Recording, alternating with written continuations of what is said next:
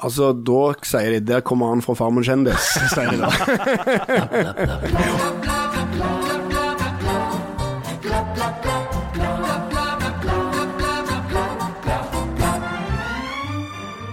I dag har vi fått den røde far i studio. Nei, det er ikke noen fra Brann. Brann, for der har du gjeng. Nei, det er Viking og Rødts egen Mimir Kristiansson, mannen som knapt har pakket ut av kofferten i Stavanger før han nå vil på Stortinget for å lage sjau og revolusjon.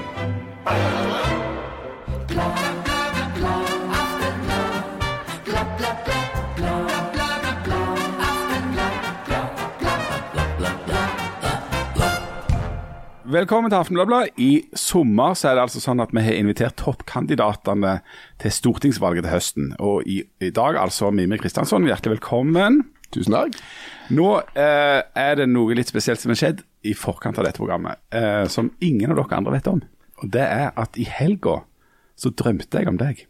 Ok. Det har aldri skjedd før. Jeg er usikker på om jeg vil at det skal skje igjen. Hva skjedde i drømmen?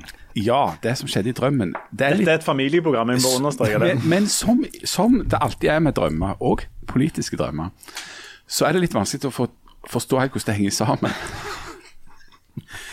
altså, jeg var i en eller annen sammenheng der det hadde skjedd et eller annet gale, uten at jeg er helt sikker på hva det var. Og så ble jeg eh, satt opp, sånn som det er ofte i sånne politiserier og sånt fra Amerika, at du tvangsmessig må gå til psykolog. Altså at du blir satt opp akkurat sånn som Mayor of Easttown. Og hun Men du må gå i terapi. du må i terapi, ja. Rett og slett gå i terapi. Eh, og jeg måtte da gå i terapi pga. et eller annet uklart som hadde skjedd. Eh, og så kom jeg i terapi, og så viste det seg at psykologen var Mimir Kristiansen.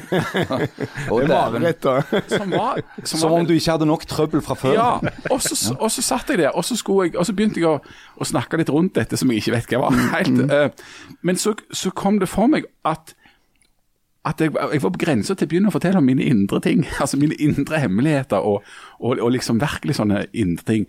Og så satt jeg så tenkte jeg, hm, bør jeg egentlig eh, fortelle om det? For vi skal jo ha han eh, her i sånn podkast eh, på mandag. Bør han vite om mine innerste hemmeligheter? Og mens jeg satt og reflekterte over det, så begynte jeg å kikke meg rundt, så viste det seg at vi satt midt i et kjøpesenter. Så det var en masse folk som kom og gikk rundt omkring mens han satt der og skulle være en slags terapeut. Så det var sånn blanding av, av live podcast og terapitime. Ja, og, og en blanding av veldig intimt og veldig uh, offentlig, egentlig. Um, så jeg, jeg aner ikke hva dette jeg ingen, jeg er ikke så god på Freud, så jeg aner ikke hva dette betyr. Um, men det viser at du har vært iallfall uh, i tankene og drømmene mine i det siste. Mine. Det er bra, det er godt. Jeg håper det er flere som har det sånn. Ja. Så er det sånn, som, som, som Leif Tore var inne på helt i starten av, at du flytta jo altså til Stavanger da med brask og bram for to-tre år siden. sant? Hva er det som er så fælt med å bo her, som gjør at du absolutt nå vil flytte tilbake til Oslo? Nei, jeg skal jo pendle, da. Så ungen og kona blir boende her, da. Ja. Som eh, før. Så det er jo dette som blir på en måte hjemmeadressen, men så jobber du tre-fire dager i uka på Stortinget. Men eh, det, var, det er jo som alle oss som har bodd i Oslo, så er jo det en påkjenning. Eh, Men, men du syns altså det er enda verre å bo i Stavanger? Nei, jeg syns det er strålende å bo begge steder, jeg. Eh, rett og slett. Folk er mye triveligere i Stavanger. Det er en fordel med å bo her. Eh, så er jo Oslo Det er jo en større by, liksom. Det har jo noen fordeler og ulemper. Men eh, jeg dro ikke for Oslo fordi jeg syntes det var så drit der. Og jeg, og jeg vil ikke tilbake på Stortinget fordi jeg syns det er så flott i Oslo. Hvis det, Stortinget hadde kunne lagt seg til en annen by, så hadde jeg flytta dit eh, i stedet. Men ja, du, for du kom hit og kom inn i, by, i liksom bypolitikken eller kommunepolitikken. Hva er det at du vil i uh, den nasjonale politikken? Det er to ting. Det ene er at uh, situasjonen for Rødt nå er jo sånn at Rødt eh, ligger og vaker rundt sperregrensen, rett over da på målingene nå, men liksom ubehagelig nærme, da. Og Da er jo avgjørende at Rødt får flest mulig stemmer i alle fylker, inkludert eh, folkerike Rogaland. og da skal være kledelig beskjeden å si at jeg tror jeg har større sjanse til å få flere stemmer for Rødt enn eh, andre aktuelle kandidater her i fylket, så, så det er det ene. Eh, Og det andre er jo at når du går inn i kommunepolitikken, så er jo det veldig spennende, og du får gjort masse, men du støter jo òg på en mur av nasjonale problemer. Eh, Som du vil egentlig ha løst på riksnivå, altså dårlig kommuneøkonomi, alle disse type tingene her. Så da er det jo meldt seg et behov for at det er en del ting man gjerne skulle ha ordna opp i, da, eh, inne på Stortinget. Harald Birkevold, du som er politisk kommentator og av en eller annen grunn får betalt for å si ting eh, om politikk. Et Um, mysterium. et mysterium. Er det ikke egentlig helt naturstridig at det i borgerlige, blå, grunnrike Rogaland skulle være mulig for et parti langt ut på venstresida og få nok stemmer til å få Rødt inn på, på ting, sjøl med han der unge Kristiansson i front. Er ikke det helt mot alle naturlover at det skulle kunne skje? Nei.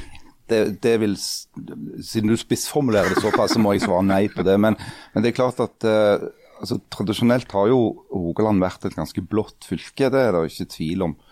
Eh, og hvor det har vært litt vanskelig for partier på venstresida og, og da mer inkluderer jeg til og med Arbeiderpartiet, og liksom helt bryte lydmuren i stortingsvalgsammenheng. I, I kommune- og fylkestingsvalget har det vært litt annerledes.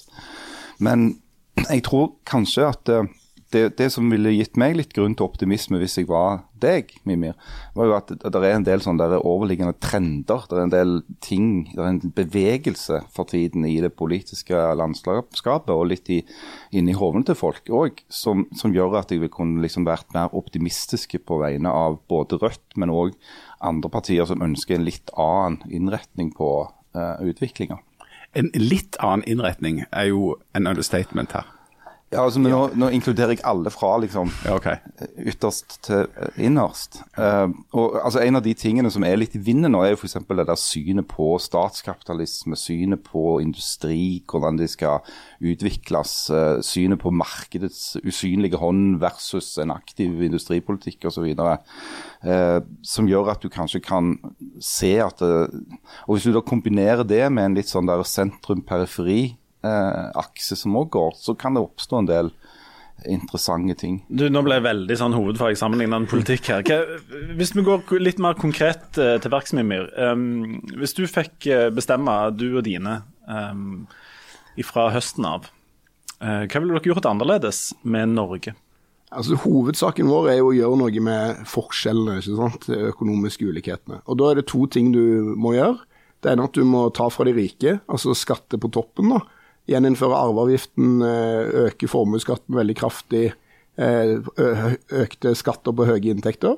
Og det andre du må gjøre, er å gi til de fattige. Da. Så da gjelder det jo å bygge ut velferdsordninger, som er type gratis tannhelse, gratis SFO, den type ting. Men òg å kutte usosiale avgifter og sånn. Så du har jo omfordeling i skattesystemet den veien òg, da. Men du, hvem er, hvem er de rike? Fordi at uh, På venstre side snakker en jo om de rike. sant? Hvor, hvor går grensa der? Er du rik?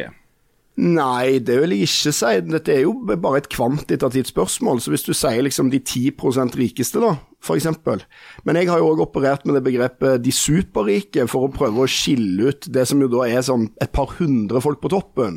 Og det er jo deres ma altså makt, hvis man ser på det, da, ikke bare på penger, så er det jo deres makt som er bekymringsfull, og det er de som egentlig stikker av. For innad blant de rike òg, så blir de rikeste mye raskere rikere enn de nest rikeste. da. Så, men, men jeg har ikke noe sånn eh, veldig nøyaktig sånn tall, men du kan si ok, de 10% rikeste, da. Men det man har satt på skatt, f.eks., er at alle som tjener under 600 000 skal ikke få økt skatt. Og Det betyr at hvis du tjener 600 000 og et eller annet, så får du sikkert noen hundrelapper i måneden i økt skatt, og så øker det progressivt oppover. da. Men Ja. da er ikke alle som tjener over 600 000 rike. Det vil jeg ikke si. Ligger dere på omtrent samme nivå som SV der? Ja, altså, når det gjelder den progressive Ja. innretningen på skatten. Ja, det tror jeg- det tror jeg òg det vil minne. det tror jeg. Men fundamentalt sett så vil dere jo avskaffe kapitalismen. Eh, Man kan snakke om, om prosent, og noen få om det er 1 eller 10 eller sånn, men dere vil avskaffe kapitalismen. Kapitalisme det er altså det økonomiske systemet som har på en måte, eh, som, som har preget hele den vestlige verden, og som har vist seg voldsomt godt på å skape verdier. Eh, Det har da stått eh, i motsetning til kommunismen, som har vært en annen måte å organisere det på, som, eh, hvis jeg kan historien min rett, vel ikke har Altså ingen land som har prøvd en kommunistisk produksjon eh, istedenfor kapitalismen, har, har det gått spesielt bra med økonomisk. Hva, altså når dere da avskaffer kapitalismen i Norge, jeg vet ikke om dere gjør det i oktober eller november eller på nyåret, året etter at dere har vunnet valget, hva er det det skal erstattes med som skal skape de verdiene som så skal fordeles? Ja, For det første så er jo bare for det begrepet som jeg er litt opptatt av, det er fra Gerhardsen, da, men det er jo liksom den langsomme revolusjonen. Sånn at du på en måte Det er ikke sånn du Vi får rent flertall i høst, da, sier det. så er vedtaket i oktober, boom, nå er det innført eh, kommunisme eller sosialisme, eller kall det hva du vil. da. Men det vi skal bygge videre på, er jo det som finnes av dette allerede i Norge. Og det finnes det ganske mye av. For det er jo helt riktig som du sier, at de landene som har prøvd eh, kommunisme og diktatur, da, som er Øst-Europa og Kina og sånn, de og landene har det gått Ja, og Cuba og alt mulig. De landene har det gått uh, fryktelig galt i. Så, så vi er jo ikke noe tilhengere av det, og vi er jo opptatt av å ville gjøre ting annerledes enn det. Det nytter jo ikke bare å sitte og si sånn vi tar avstand, vi tar avstand. Du må jo òg ville noe annet. Eh, Men det vi ser rundt oss, er jo f.eks. nesten alle de viktigste selskapene på Oslo Børs er eid av staten i Norge allerede. DNB, Yara, Hydro, Telenor, Equinor. Eh, Vi ser rundt oss gigantiske kooperative bedrifter, som riktignok styres bare som helt vanlige bedrifter. Altså Obos, som det har vært mye krangel om nå, Coop, eh, sånne ting. Så det finnes jo en haug med ting i det norske systemet allerede som er i den retningen vi vil. da.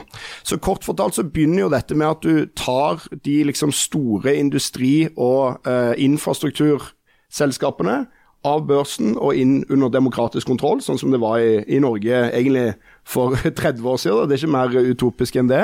Eh, og så bruker du de til å bygge en ny økonomi. da. Så er Ganske sentralt der er jo den finansnæringen, banknæringen. da. Så da er det et mål om å få egentlig samme mål som Arbeiderpartiet hadde i etterkrigstid, og de bare aldri, fikk aldri gjennomført det, er å få på en måte banknæringen under en slags form for folkevalgt kontroll. da. Men altså, hva skal vi med konservative parti hvis de radikale er de som vil tilbake til sånn som det var for en generasjon siden, eller til 50-tallet? Du har jo tidligere snakket om, om Tranmæl og Gerhardsen som liksom en sånn ideal. Ligger løsning i å gå 70 år tilbake? Nei, alt vil jo bli på nye måter, men jeg nekter å gå med på det der eh, framtidstyranniet i norsk politikk. Alle norske partier påstår jo at de er på lag med framtida, men jeg foretrekker å være på lag med nåtida. Jeg synes det er liksom en slags idé om at alt som er nytt, det skal liksom automatisk være bra, mens alt som er gammelt eller var før, skal automatisk være dårlig. Men det er jo Poenget er jo at mye av det som var før, var mye dårligere nå. Noe av det som var før, var bedre enn nå. Og en del av de tingene som folk påstår er nytt, er jo egentlig bare å gå enda lenger tilbake i tid. Altså Kapitalisme er jo eldre enn sosialisme, og de prinsippene som driver tenketanken Civita, de er jo mange hundre år gamle, de er jo ikke 70 år gamle. Sant? Sånn at man kan på en måte ikke på den ene siden sitte og si hva kan vi lære av Adam Smith og Edmund Burke, og så på den andre siden hvis noen sier skal vi lære noe av Einar Gerhardsen, så sier du det er helt forhistorisk. En, en ting som fascinerer meg når vi snakker om nåtida, det er jo at hvis du ser på altså, over de siste årene, så er det sånn at hver gang noen skal kåre som ser på indikatorer for liksom beste land i verden å bo i, så kommer alltid Norge på topp liksom, på pallen. Det er liksom det beste på alle indikatorer. Det er liksom ikke grenser for hvor utrolig eh, flaks vi egentlig har hatt som har blitt født her akkurat nå. Eh, så opplever litt sånn at de partiene som ligger lengst ute på fløyene i, i politikken, enten til høyre eller til venstre, de ser på dette landet som sannsynligvis er paradis på jord i historisk sammenheng, og så sier de Ei, her var det gale. Dette må vi gjøre noe alvorlig med. Her må vi snu opp ned på hele greia. Vi må f.eks. avskaffe kapitalismen og innføre hva står det, en altså egentlige, eller reelle, reelt demokrati som om det ikke var det. Altså Vi skårer på topp på alle sånne demokratiindekser òg. Hva er det som får dere til å se på dette landet og tenke at nå er det så gale her? Ja, nei, jeg går ikke rundt og tenker at det er så gale her, men altså ja, jeg er helt enig. Norge er sannsynligvis verdens beste land å bo i, da, eller blant de fem beste, eller hva man skal si, da, i alle sammenhenger. Og det er også liksom, vårt, Våre forbilder kommer jo òg fra norsk samfunnsbygging, norsk historie. Men det er jo to måter da å være politiker på. Enten kan du gå rundt hver dag og bare takke Herren for at du er så lykkelig for at du bor her. Der, heng, der følger jeg deg helt til døra. er. Eller du kan gå, det er akkurat som, Jeg går ikke rundt og takker for at jeg er så heldig som er født på jorden og ikke på Venus, der det ikke går an å puste for det giftige gasset på overflaten. Jeg eh, prøver jo å tenke hva går det an å gjøre ut av livet mitt her på jorden. Og Sånn er det jo òg med oss. Vi er jo selvfølgelig, ser jo at Norge er mye bedre enn Somalia, liksom, men det er ikke noen målestokk. Vi vil jo at Norge skal være det beste Norge som er mulig for Norge å være. da. Og Da er det jo å, å tenke på hva er det som kan endres. Og Så mener jeg at det er noen ting i Norge som har gått i feil retning de siste tiårene. For i Norge har det vært veldig mye rikdom, men den blir stadig mer ujevnt fordelt. Eh, Jeg tror jeg vil si at det norske folkestyret er under press og forvitring. eller Det trenger ikke jeg å si engang, det sier vel maktutredningen. Og i tillegg så, så eh, klarer vi ikke å gjøre utslippskuttene våre raskt nok, og vi har den her sentraliseringseffekten som det òg virker som om egentlig alle er mot da, men det skjer likevel. Eh, sånn at det er jo store uløste oppgaver da, og da, da har ikke jeg liksom ja, jeg, jeg tror det er viktigere å fokusere på det vi, skal, det, det vi må få gjort noe med, enn å gå på en måte og skryte av at, eh, av at vi er mye bedre enn en andre land. da. Spørsmål fra meg. Der, nå har jo, altså I forbindelse med valgkampen i, i lokalvalget, når du eh, drev eh, valgkamp for Rødt i Stavanger kommune, så, så ble jo den krona med en slags seier. Altså det, nå sitter jo Rødt og du i posisjon i Stavanger-politikken. Eh, og har, har, makt i en helt annen forstand enn en har vært vant med i, i Stavanger og Rogaland når det gjelder Rødt. Eh, og nå på vårparten har vi hatt en, en lærer- og sykepleierstreik, eh, hvor du bl.a. var ute og, og sa at eh, Stortinget må gjøre noe. altså Her må, her må det tas grep, sørge for ansvar, skikkelige lønninger for, for disse. Men som kommunalråd og folkevalgt i Stavanger, så er det jo faktisk du som er arbeidsgiver for disse folka eh, her. Altså Er det det du sikter til når du sier at det er så mye som ikke kan ordnes lokalt? Ja, jeg støtter meg til Aftenblad på lederplass, jeg, som sier at det er Stortinget som sitter med nøkkelen til å løse de eh, problemene. Jeg tror ikke at én en enkelt kommune kan drive og gi eh, Altså, det, det, er jo mulig, men jeg tror ikke det er noe bra at en enkelt kommune skal drive og gi spesielle, store lokale tillegg. Prøve å trekke til seg noen lærere fra Sandnes og Randaberg og Sola fordi du får noen 10 000-lapper mer her. Og økonomien i kommunen, selv om den ikke er den aller verste nå, egentlig, men den er jo på sikt òg ganske anstrengt fra før. Så hvis du skal få gjort et sånt lønnsløft for lærere og sykepleiere, men egentlig vel så mye for de gruppene som ikke streiker i vår, da, altså renholderne helsefagarbeiderne, de som jo tjener enda dårligere. Så, så, må det komme på et eller annet form for nasjonalt initiativ, altså. Det er jeg ganske sikker på. Men jeg vil bare si det, for folk spør ofte sånn, eh, det virker som de tror at de syns det er veldig sånn vanskelig for meg å sitte med makt og sånn. Ja, det er vel uvant og det er jo sånn. Men det, det, jeg irriterer meg over i hverdagen som kommunepolitiker, er jo ikke makten jeg har, det er jo avmakten jeg har. For det er jo masse ting vi som kommunepolitikere er ute av stand til å ordne for folk. Eh, enten fordi at det er stadig flere nasjonale regler. Ja, du kan ikke forby sparkesykler, da, for da blir du saksøkt i retten, liksom. Eh, du prøver å krangle med Stavanger-regionen havn om et cruisetak. Det hjelper ikke noe at du har flertall i formannskapet, kommunen i Stavanger. Du må likevel liksom slåss og slåss og slåss. Du har en administrasjon som jeg tror i alle kommuner blir bare mektigere og mektigere. Og i tillegg til dette sitter du selvfølgelig i en koalisjon om å gjøre sånne ting. Så jeg, eh, jeg syns på en måte det å ha, å ha liksom makt i kommunen det, Folk sier sånn det er vanskelig å ta vanskelige avgjørelser og sånn, men det vanskelige er når du sitter og vet at det du da dridler litt med på, ikke er så bra, men du har ikke makt nok til å forandre den kursen. da.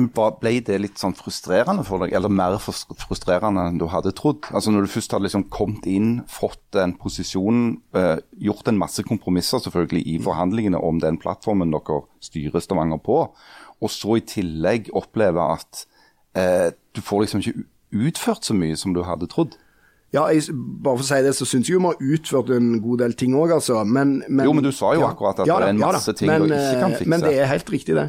Og, det er mer, det var, og det er en av de tingene som jeg syns er et problem, og det er at jeg opplever at uh, folkestyret, altså de folkevalgte i Norge, deres makt minker til fordel for rettslige regler, altså at mer og mer blir lovfesta. Markedet, selvfølgelig, ting blir privatisert, og egentlig byråkrati og administrasjon.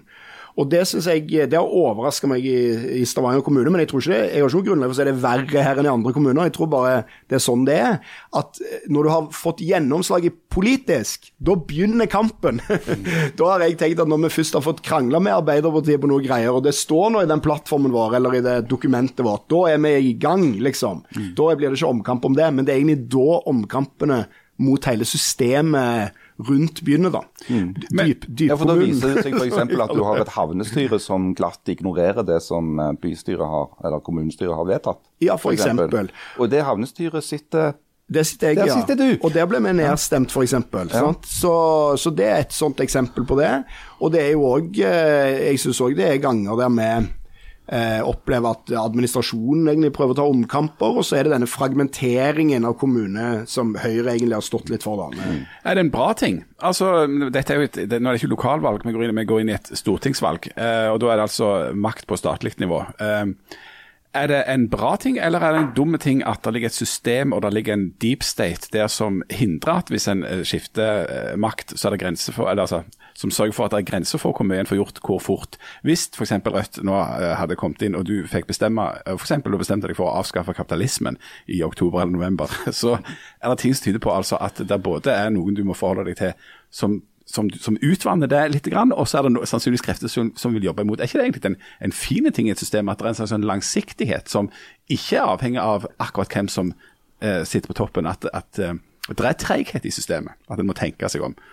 Ja, jeg er positiv til at det kan være sånne treigheter i systemer. Det b- b- vil det og bør det være i alle systemer. Men det som skjer i Norge, er jo at utviklingen er at de treighetene blir stadig større, og den folkevalgte sfæren blir stadig mindre. Og så er jo ikke Byråkratene er jo heller ikke helt eh, verdinøytrale. Sant? Så du ser jo det er en viss type saker. For eksempel så er det jo ingen tvil om at administrasjonen både i vår kommune og alle andre kommuner eh, gjennomgående forteller politikerne at vi har dårligere råd enn vi egentlig har. Det er jo ingen hemmelighet. Og det er jo for å sikre at politikerne ikke skal overforbruke. Men resultatet er jo da at de folkevalgte ikke får muligheten på en ærlig måte da, til å disponere de ressursene man har til rådighet. Og du, du kommer ikke unna at selv om du skal ha maktfordeling eh, og treigheter i systemet, så må det til syvende og sist være den folkevalgte makten som bestemmer og ikke noen andre. da. Og Det er jo en lærdom vi egentlig har med oss fra vår historie, da, som ikke alltid har vært like opptatt av eh, det folkevalgte i Øst-Europa og sånne ting, men der du hadde veldig sterke sånne byråkratier og treigheter i systemet, da, som jo gjorde at folks eh, innflytelse var null og niks, liksom.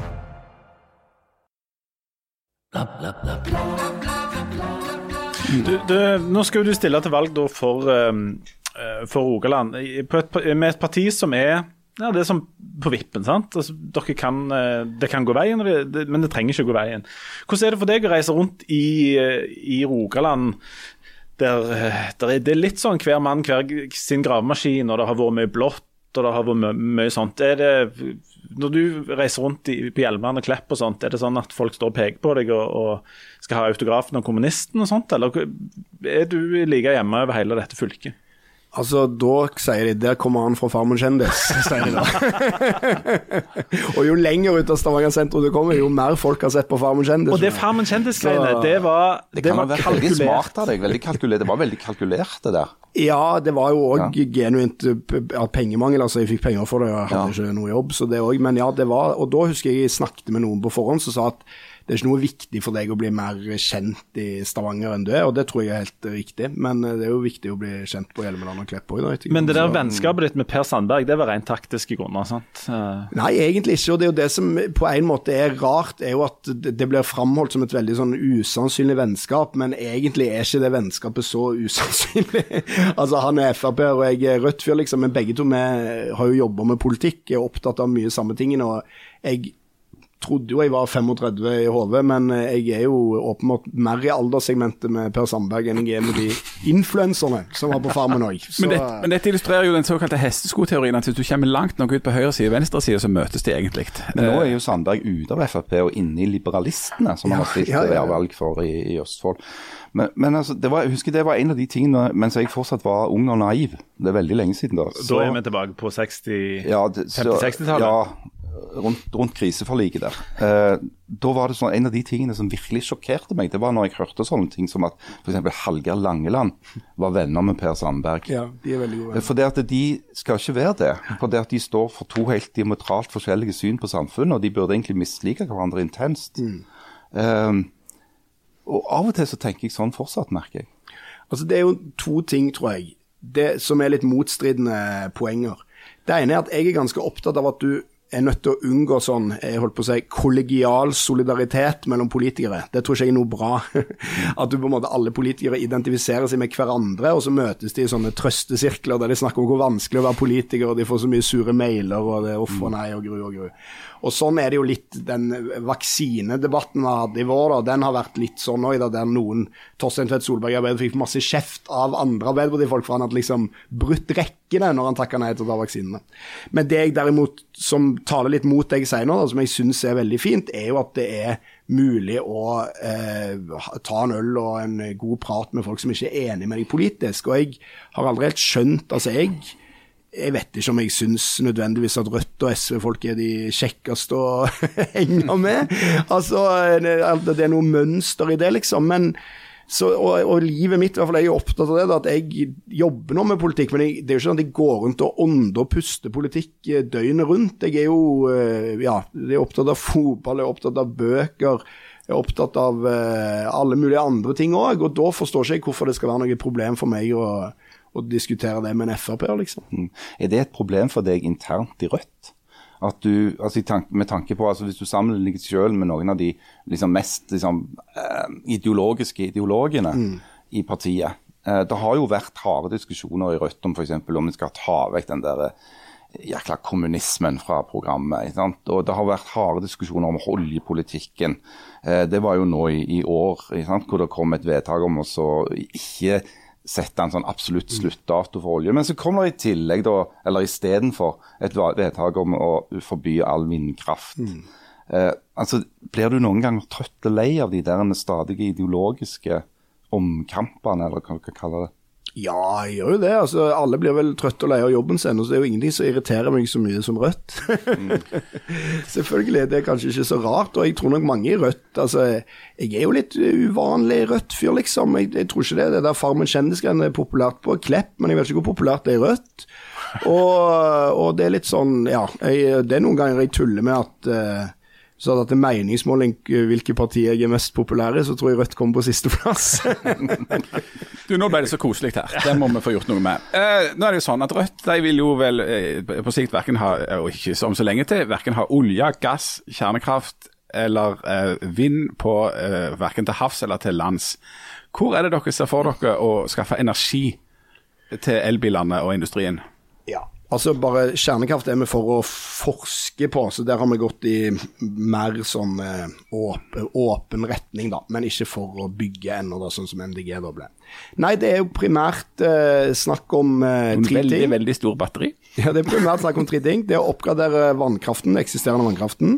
Det andre er å bygge ut solceller og solkraft. Og det tredje er å, eh, å prioritere bedre hva vi skal bruke strømmen på. Og Det høres jo alltid ut som litt sånn svada, det der enøk-greiene og sånn, men hvis du ikke bygger eksportkabler og har som mål å eksportere masse strøm til andre land, hvis du ikke elektrifiserer sokkelen fra land, og hvis du ikke tror, for det tror ikke vi i Rødt, da, at løsningen på klimakrisen er at alle i Norge kan få sin egen elbil, gjerne i tillegg til bensinbilen de allerede har, eh, men tvert imot tenke at eh, trafikken faktisk må litt ned. da. Folk må, folk må slutte å kjøre så mye i sin egen bil. eh, De må liksom over på kollektive løsninger. Da er det også ganske mye terawattimer etter hvert, altså. Fins det noen fagmiljøer som vil skrive under på at det er et realistisk regnestykke? Ja, det er fullt mulig å lage realistiske regnestykker av det. altså. Det Rødt driver og jobber med en sånn kraftplan også skal komme ut. Men problemet med sånne Det gjelder jo alle partiers regnestykker. ikke sant? er jo at Det er jo 100 forutsetninger og prognoser. Du kan jo egentlig sikkert komme fram til hva svar du vil hvis du legger inn sånne ting. Men spørsmålet er hvor mye strøm er det vi ser for oss å trenge? Og der er det jo lagt opp til, i hvert fall i, i det som har vært en strategi i Norge, er jo at Norge skal bli et slags Europas grønne batteri. Det er vi mot, som er mot det som Lyse driver med med NorthConnect og sånn. Så er det denne elektrifiseringen av sokkelen, som er et slags utgangspunkt for å redde på en måte oljebransjen eh, sin samvittighet, tror jeg, mer enn noe annet. For jeg vet ikke hva det skal bidra til av klimagassutslipp i, i det store. Og så er det sånn, Man snakker jo til og med om elektriske fly, da. ikke sant? Og jeg er jo ikke mot elektriske fly, men flytrafikken i Norge må jo ned. Du kan ikke drive og ha Oslo-Bergen, Oslo-Stavanger, Oslo-Trondheim som tre av de ti mest trafikkerte flyrutene i Europa, liksom. Men kan ikke folk drive og pendle ukentlig fra Stavanger til Oslo, f.eks. Det henger jo ikke på greip. Nei, det er jo helt åpenbart en, Da må de sykle over en helt åpenbar ting som strider imot all fornuft. Er det ikke det? Jo, Ja, jo, nå det- ble det stille. Ja, nå ble det stilt i fjøset, ja. Men altså dette med dilemmaet som altså, går i, i skjæringspunktet mellom vekst og, og, og vern, og dette vekstpremisset som ligger liksom inne bak i hele tankegangen i samfunnet, eh, og kanskje særlig her i Rogaland, tenker jeg at eh, å gå, å gå eh, til valg på noe som ikke innebærer at alt skal bare fortsette å vokse, det er ikke alltid like lett i Rogaland. Nei, og jeg ære være rogalendingene for det òg. For hvis det er noe som er fint med Rogaland, så er det jo at eh, her i fylket er folk vesentlig mye mer opptatt av verdiskapningen av norske verdier, som de er opptatt av andre steder. Så, så det er jo veldig bra. Men jeg tror jo, hvis du ser f.eks. på det vindkraftstandpunktet Rødt, så er jo det et kanonpopulært standpunkt òg i Rogaland. Altså, det er stort flertall mot å bygge ut mer landvind. Og til og med lenge før eh, vi gjorde det vedtaket, så hadde jo Aftenbladet måling om havvind. Og det er vel 25-30% i Rogaland, hvis jeg husker riktig, som er mot det òg. Og det er jo ingen andre partier som er mot det, så egentlig er det jo et jævlig populært standpunkt. sant? Det er vel sånn fordi at de ser på ha, altså vind generelt som en trussel mot olja. Ja, det kan òg være, ja. Jeg eh, har snakket med noen av de verftsmiljøene som jeg trodde jeg måtte berolige etter den eh, etter det vedtaket. og det var vel tilbakemeldingen at det er samme for oss, bare om vi får bygge olje. Du, Når vi snakker snakke om program jeg, jeg, prøvde, jeg, på, jeg prøvde å finne Rødt sitt politiske program. Det ligger ganske godt begravd nede på nettsidene deres. Det siste jeg fant var fra 2019. Det er mulig at dette er oppdatert når dette går på lufta. Men, Ja. men er det der programmet deres, det som faktisk står at dere står for, er det såpass problematisk at dere liksom, at du aller helst ikke vil at det er det folk skal lese? Nei, det tror jeg ikke. Det tror jeg bare er teknisk krøll og drit. Men det var jo i mars når det er landsmøte, så de er vel bare treige, da. Ja. Partibyråkratiet. Ja, det burde- ikke leverer ja, ja. varene. Nei, men jeg tror ikke det er så Altså, det står jo rare ting i alle programmer, men jeg tror ikke det er så helt krise nødvendigvis, det programmet til Rødt. Mm. Du, ja, det som er litt underkommunisert, er jo at du Jan, har jo et, faktisk et hovedfag sammenlignende politikk. Det er ikke mange som vet. Jeg føler det er veldig veldig underkommunisert. Omtrent ingen som er egentlig emjing om det der det. hovedfaget. Hadde du hatt et hovedfag, skulle vi nevnt det òg, men du har jo utdannelsen NADA, har vi funnet ut. Um, Bra, det har jeg òg. jeg òg. Jeg har utrolig lite utdannelse. Men Jan, som representant Trekk opp snittet der nå. altså. Du, ehm, hvis hvem er det som er Rødt velger velgere? Eller de velgerne som er ute på den venstre fløyen, sånn historisk og tradisjonelt, hvem, hvem har de vært, og er det noen andre folk i dag? Ja, Tradisjonelt så har jo det vært folk, altså arbeidere som har vært på en måte de frem, viktigste på en måte stemmebasen der, eller skulle være iallfall. Ja, hva, da arbeidere? Folk ja, ja, har jobb? Ja, sant? ja, for det er nettopp det. at Når, når Harald snakket om på en måte eh, røttene i, i eh, Rogaland, som da er et ganske sånn borgerlig og blått fylke, så finnes det jo fremdeles da enklaver der, altså i sånne industribygder som f.eks. Sauda, der, Mm. der jo eh, venstresida og, og ganske langt ut på venstresida, Odda og sånne ting, det ligger riktignok ikke i Rogaland, men, men, men sånne Foreløpig. Ja, foreløpig, ja. sant? Men, men du har jo på en måte hatt det som For det idealet, eller det som, som, som Rødt og, og, og, og liksom venstresida liksom skal representere, er jo den, liksom den, det vanlige mennesket si, og arbeideren. Arbeideren var jo på en måte utgangspunktet for hele eh, eh, kommunismen. Ble, ideologien ble jo utvikla på et tidspunkt der det store flertallet var luta fattige eh, arbeidere, og så var det noen virkelig få rike som satt på toppen og, og skalta og valta med disse folka som jobbet Nesten sånn. 12-15 timer i, i døgnet, mens nå jobber vi sånn seks timer mot ganske god betaling. Men, men, og, men, men dermed har det jo òg endra seg noe i, i samfunnet, og mye av det er jo venstresida sin fortjeneste. Sant? Altså Arbeiderbevegelsen sin, sin kamp som har gitt eh, altså arbeiderne helt andre rettigheter, og, og, og har vært med på å bygge velferdsstaten. Er de i ferd med å har stor- med utrydde sin egen base, da? Eller? ja, for dette du, du sant? Og så, så er det jo da, sant? så har du både hatt Arbeiderpartiet har kjempet om de velgerne, SV har kjempet om de, og Rødt har, venstre, har, har kjempet om de. Og Dermed så er det grader da på denne skalaen av hvor mye stat skal det være, hvor mye marked skal det være. Og så er jo altså Rødt, de er jo lengst til venstre. De er på en måte mest ekstreme i, i svaret der på hvor mye offentlig og hvor mye stat det skal være. Og, da, eh, og, så kommer, og, og, så argumenterer de da for dette i en situasjon der de aller, aller fleste i Norge har det kjempebra. Eh, og, og, og det er det jeg er litt sånn spent på med, på måte, med hvordan dette flyr. For at, eh, Mimi Kristiansson er en ekstremt veltalende og sjarmerende type som, som, som snakker veldig godt om dette her, og som distanserer seg såpass mye mot de mer sånne ekstreme delene av dette programmet, at jeg tror at han appellerer til langt flere enn de der folka der. Så jeg tror, jeg tror at i tillegg til de som eventuelt var sånn ekte radikale fra gammelt av, så appellerer han til mange sånne sofaradikale. Du spår Så- med andre ord sånn, et brakvalg for Rødt. nei, det tror jeg, det gjør jeg ikke, for jeg tror det er klare grenser for hvor mange som vil eh, stemme på noe som er såpass ekstremt. Men der, der, er, altså, eh, SV opplever jo vekst, eh, så kombinasjonen av Rødt, SV Arbeiderpartiet har jo ikke hatt så mye vekst ennå, men, men på en måte kombinasjonen av den der at nå, nå har det vært liksom åtte år med, med høyrepolitikk, så er det ikke rart at folk går mer mot venstre. Det, det er for så vidt logisk. Men, men det er ganske mange sånne Jeg møter stadig sånne godt betalte folk i svære hus som har veldig sympati med Rødt, som liksom er sånn raddisaktige. Men hvis du hadde gått inn på hva de faktisk holder på med sjøl, og, og hva de kommer ifra, så skulle du på en måte ikke trodd det. Var det en voldsomt god politisk Ja, kanskje. Det er, altså. er det hovedfaget? Det Det hovedfaget, Jeg, jeg så nettopp en sånn um, I den nye boka til Magnus Marsdal som heter Listhaug-metoden, så driver han og opererer med sånne klasseskjema som er inspirert av Bourdieu, apropos hovedfaget ditt i trynet. Men da er det jo to sånne akser, da, om du har mye eller lite utdanning, eller mye eller lite eh, kulturell kapital, og mye eller lite penger, liksom. Og da er faktisk, eh, mens MDG og Venstre særlig er veldig sånn høykapitalspartier, altså de har jo mest utdanning, men de har generelt både mye penger og mye utdanning, og SV òg ligger over snittet, så ligger faktisk Rødt under snittet sammen med Eh, Ca. der Arbeiderpartiet ligger, da. Bitte litt under snittet. Men ikke så sånn lavkapitalsparti som Senterpartiet og Frp, da, som er de sånn virkelig eh, folkelige partiene, kan man si på en måte, men, eh, men, eh, men på en måte ca. samtidig som Arbeiderpartiet. Og det var, sånn var det ikke for ti år siden. For Rødt har jo vært Det er mye snakk om arbeiderklassen og sånn, men Rødt har jo vært et studentparti. Det er jo det som er realiteten. Sånn at det har jo vært litt sånn eh, ja, studenter og folk som liker flammeblåsing og ja, synes det er på en måte sånn. Folk, folk som ikke betaler skatt. Ja, ja, jo kanskje. Og, og, eller folk som ender opp med sjokkerende høy inntekt etter de har gått rundt og ikke betalt skatt i ti år, liksom. Og det er jo, jeg tilhører jo egentlig den gruppa sjøl, jeg. ikke sant? Som ble så radikalisert av å gå på Kongsgård på en måte, og gikk med rosa lue og syntes det var jævlig stas.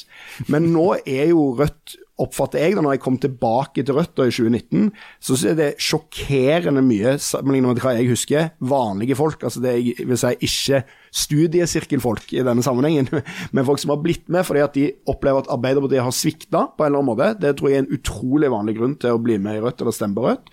Og at de mener at det, som du sier, da, har gått for langt med Solberg og Siv Jensen og sånn. Sånn at det at man har hatt en såpass høyreorientert regjering, har liksom drevet folk eh, ut hos oss. da.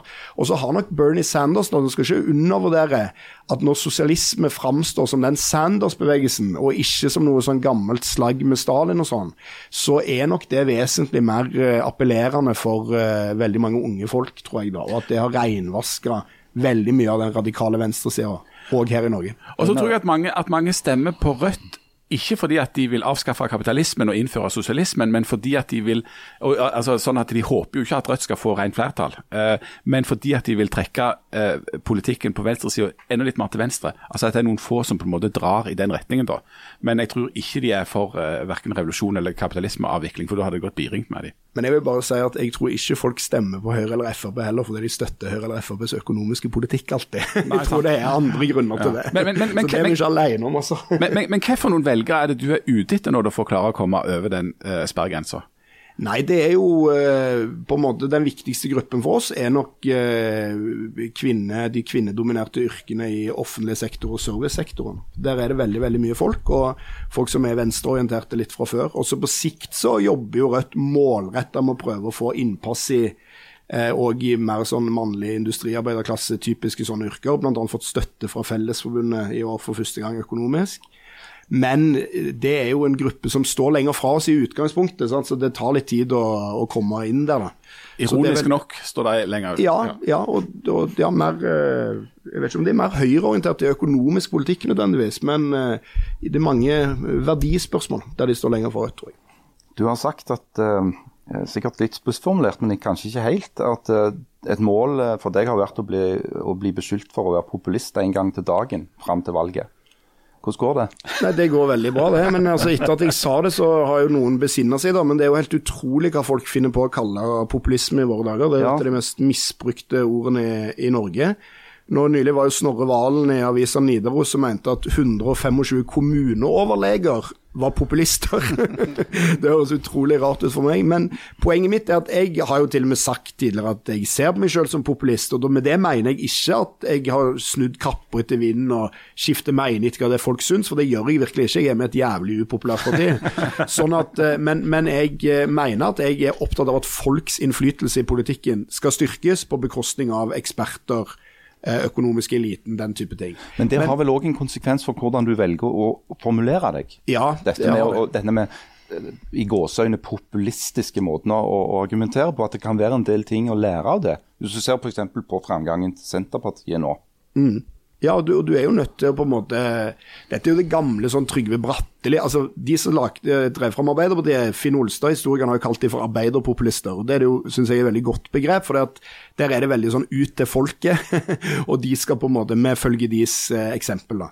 Og Trygve Bratteli sa jo liksom at å, å, politikk handler om å på en måte forstå tida du lever i, og gi folk svar de tror på. Og Det som har vært feilen i norsk politikk for mange partier, er jo at de ikke har vært rett og slett kobla på store folkelige strømninger. Du ser det i altså innvandringsspørsmålet fra gammelt av, selv om det har endra seg litt. Bompengeopprøret, som jo ingen nesten skjønte at fantes, før det plutselig holdt på å velte hele norsk politikk. Vindkraftopprøret, som òg kom som sånn eh, eh, julaften på kjerringa på de fleste politikere. Og jeg tror den ulikhetsutviklingen er, bygger seg opp nå. Nå sier jo velgerne at det er den viktigste saken i høst. da. Og Det tror jeg kommer av at politikerne over tid har liksom avstanden mellom politikerne og velgerne har økt. Det er ikke noe kontroversielt egentlig å mene. Så, og dermed så at man har dårligere forståelse av, eh, av rett og slett utfordringene mange har i livene sine. Og Det er det Senterpartiet klarer bra. da. Å skjønne det og snakke om og til det på en forståelig måte. Jeg tror den der rovdyrdebatten i Norge er et eksempel på det Ja. samme. Uh, at det er en debatt som egentlig handler mye mer om rov, enn rovdyr. At det er en debatt som handler om eh, avstand og avmakt. Ja. Men det, når, når, når det kommer til at vi faktisk skal stemme og legge disse, herne, Ja. disse papirlappene i urnene, er det, er det da sånn at vi, vi går der og tenker på, på ulikhet og sånne ting, eller er det hvor, hvor mye ditt parti vil ramme min personlige lommebok, som til slutt kommer til å avgjøre dette? Nei, altså Folk er jo så forskjellige. altså der er, jo en god del, der er jo en god del velgere som, som faktisk med, med liksom overlegg stemmer imot sine egne interesser. Ikke minst gjelder jo det fattige velgere. Ja, det, som jo, de jo ofte stemmer for partier som vil ta fra de trygd og Ja, ja. kutte i Så det, det er jo sånn. massevis av eksempler på det. Eh, både på det høyre og venstre side. At folk rett og slett stemmer av ideologisk overbevisning eh, eller kulturelle betinga eh, på partier som egentlig ikke vil de særlig vel. Men det er- er massevis av eksempler på det. Er, er Mimir da en sånn en type som folk eh, kan risikere å bli sånn veldig godt likt, men ikke stemt på til slutt? Det er vanskelig for meg å si. Det, Nei, Du får jo betalt hver dag Jo, men for å mene altså, jeg er noe jo dette. så er ekstremt dårlig til å tippe. Jo, men- altså, hvis jeg tipper noe, så er det nesten alltid feil. Men det er jo det jeg, jeg kan svare på det. Jeg, Ja, du kan jeg tror på det det. er, en, eh, det er den største sånn fellen for oss å gå i valget, egentlig. Fordi at, altså, jeg møter jo, Dette er bare sånn anekdotisk, da, men det er jo basert på de folka jeg møter når jeg er ute og går, og folk som stopper meg på butikken og vil si hei og sånn. Og da sier de jævlig ofte sånn Du er, eh, du er veldig flink, kommer ikke til å stemme på deg. Og det er litt sånn eh, Jeg vet ikke om dere kjente begrepet å bli friendzona. som, eh, Men det er det som skjer når jenter syns du er utrolig hyggelig, men de vil ikke eh, De blir sammen med kameraten din. De blir sammen med kameraten din. Og det er det jeg er redd for at skal skje med velgerne i Rogaland og meg. da, At de skal synes alle syns det hadde vært utrolig Ikke alle, da, men mange syns det hadde vært utrolig bra om jeg kommer på Stortinget. Det tror jeg gjelder veldig mange, faktisk. Kledelig beskjedent. Men kommer ikke til å stemme på meg. Men og da du- blir når- Så jobben er jo da å dytte de folka som tenker at han sier mye fornuftig. Det er akkurat samme med Bjørnar Moxnes på Stortinget òg. Masse folk i Norge sier han sier mye fornuftig, han er veldig ærlig, det han sier er veldig bra. Og dytte de over til å skjønne at kanskje du da er nødt til å faktisk stemme på Rødt, da, hvis du vil ha holdt på å si, hvis du vil ha mer av det der. Men når du da skal dra rundt, som du nå gjør Mm. i sommer, og, og overbevise folk i Klepp og Sokndal og Sauda og Sandnes om å stemme Rødt, hva for noen saker er det du må snakke om for å få det til å skje? Nei, Hovedsaken vår er jo den forskjellsutviklingen, og det tror jeg er den viktigste saken der folk stemmer på Rødt. Og så I tillegg til det så er vindkraftpolitikken til Rødt den er veldig populær. og den er I motsetning til de andre partiene så har vi stått på den linja lenge, på land. Og, og Dermed så er det en, en veldig viktig sak for oss. Og så jobber vi jo eh, med å på en måte etablere en slags form for eh, velferdspolitisk debatt òg, da. Jeg tror f.eks. at tiden er moden egentlig i Norge for at man, eh, man får et eh, slags trygdeopprør da, mot Nav-systemet. Og Det har jeg vært litt opptatt av pga. mor mi, og sånn, så jeg har skrevet litt om det. og sånn, og Det tror jeg også er en viktig sak for oss. da. Altså Til slutt, når du står i det der lokalet og skal stemme, så viser historien eh, Dette er statsvitenskap igjen. Veldig mye økonomi. It's the economy stupid. Hvordan går dette partiet sin politikk utover min økonomi? Det tenker veldig veldig mange på. Men så handler det veldig mye om hvorvidt du får solgt inn en sånn fortelling som folk kjenner seg igjen i. Altså eh, Mange mener at Arbeiderpartiet eh, ved forrige valg, som snakket eh, om ulikheter det er også snakket om da. Altså at det, at hvis, hvis, et parti som Rødt snakker om de økende ulighetene, hvis folk ikke ser det, så er det vanskelig å selge inn at det er det som er problemet. Så du må treffe med en fortelling som folk opplever at ja, dette, dette stemmer, dette er sant. Så, og Det er en balansegang mellom å eh, på en måte svartmale og rosemale og, og, og vise hva som er et problem og hva som eventuelt er løsninger. da. Eh, Ja, og En sånn viktig fortelling for oss tror jeg er at det er veldig mange som har lyst til å prøve noe nytt. Altså, Ikke nødvendigvis at Rødt skal få rent flertall, som du sier, men at eh, det hadde vært bra med et parti til venstre der som trakk de andre òg i den retningen. Og Det tror jeg nok er en sånn erfaring fra åtte rød-grønne år òg, at mange av de velgerne stemte på de rød-grønne partiene og trodde de skulle få mer igjen for det enn de fikk, eh, og nå kanskje ser behov for at du har noen som er et slags sånn ankerfeste til venstre. da. OK, hardt mot hardt. eh, Stortingsplass eller et seriegull til Viking? Nei, seriegull til Viking. Nemlig, så det sitter ikke Det er sant. Sier du det av taktiske grunner for at du vil at folk skal stemme på deg, eller mener du det? Nei, jeg mener det. Altså, Selvfølgelig mener du det. Altså, Jeg har venta på det i hva faen er det nå, snart 30 år. 30 år er det vel. Ja. Mens eh, det med stordriftsplass har jeg bare tenkt på et par, eh, par Du får, eh, sjans, år får snart sjanse til det. Du, Den der psykologsamtalen som du, dere, du Jan, hadde med Mimir på et kjøpesenter der du ikke helt vet hva som var galt, hvordan, hvordan endte det? Det endte med at jeg valgte å ikke fortelle deg mine innerste hemmeligheter. Men du, du har jo en unik mulighet nå, da, ja. jeg tenkte at det ville være et veldig dårlig utgangspunkt for at vi skal treffes i denne podden, at han sitter og vet ting om meg som han ikke burde visst om meg. Da hadde jeg eh, hatt et enormt problem her. Kan du ikke iallfall nevne ett eksempel? Men, men, men, men, men, så, men, men, Et eksempel på en ting som, som eh, Mimir absolutt ikke bør vite om deg. men, men samtidig så satt jeg og tenkte han er jo taushetsplikt. Men det var da dette kjøpesenteret kom inn, at det var en masse folk som gikk rundt. Jeg tenkte, Hvis jeg forteller dette, så hører jo de det òg. Jeg blir jo veldig nysgjerrig. Altså, Var det den ene gangen du stemte rødt? Du, du, ja, det Altså, hvor mørkt er det, dette her? Jeg har et veldig rikt og mørkt indre liv.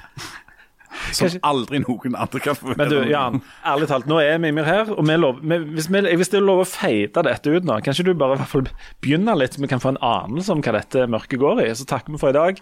Takk Mimir, godt valg. Og så avslutter vi med at vi feiter ut Jan som begynner å fortelle psykolog eh, Mimir om sitt aller, eh, sine aller mørkeste ting. Så snakkes vi. Ha det godt.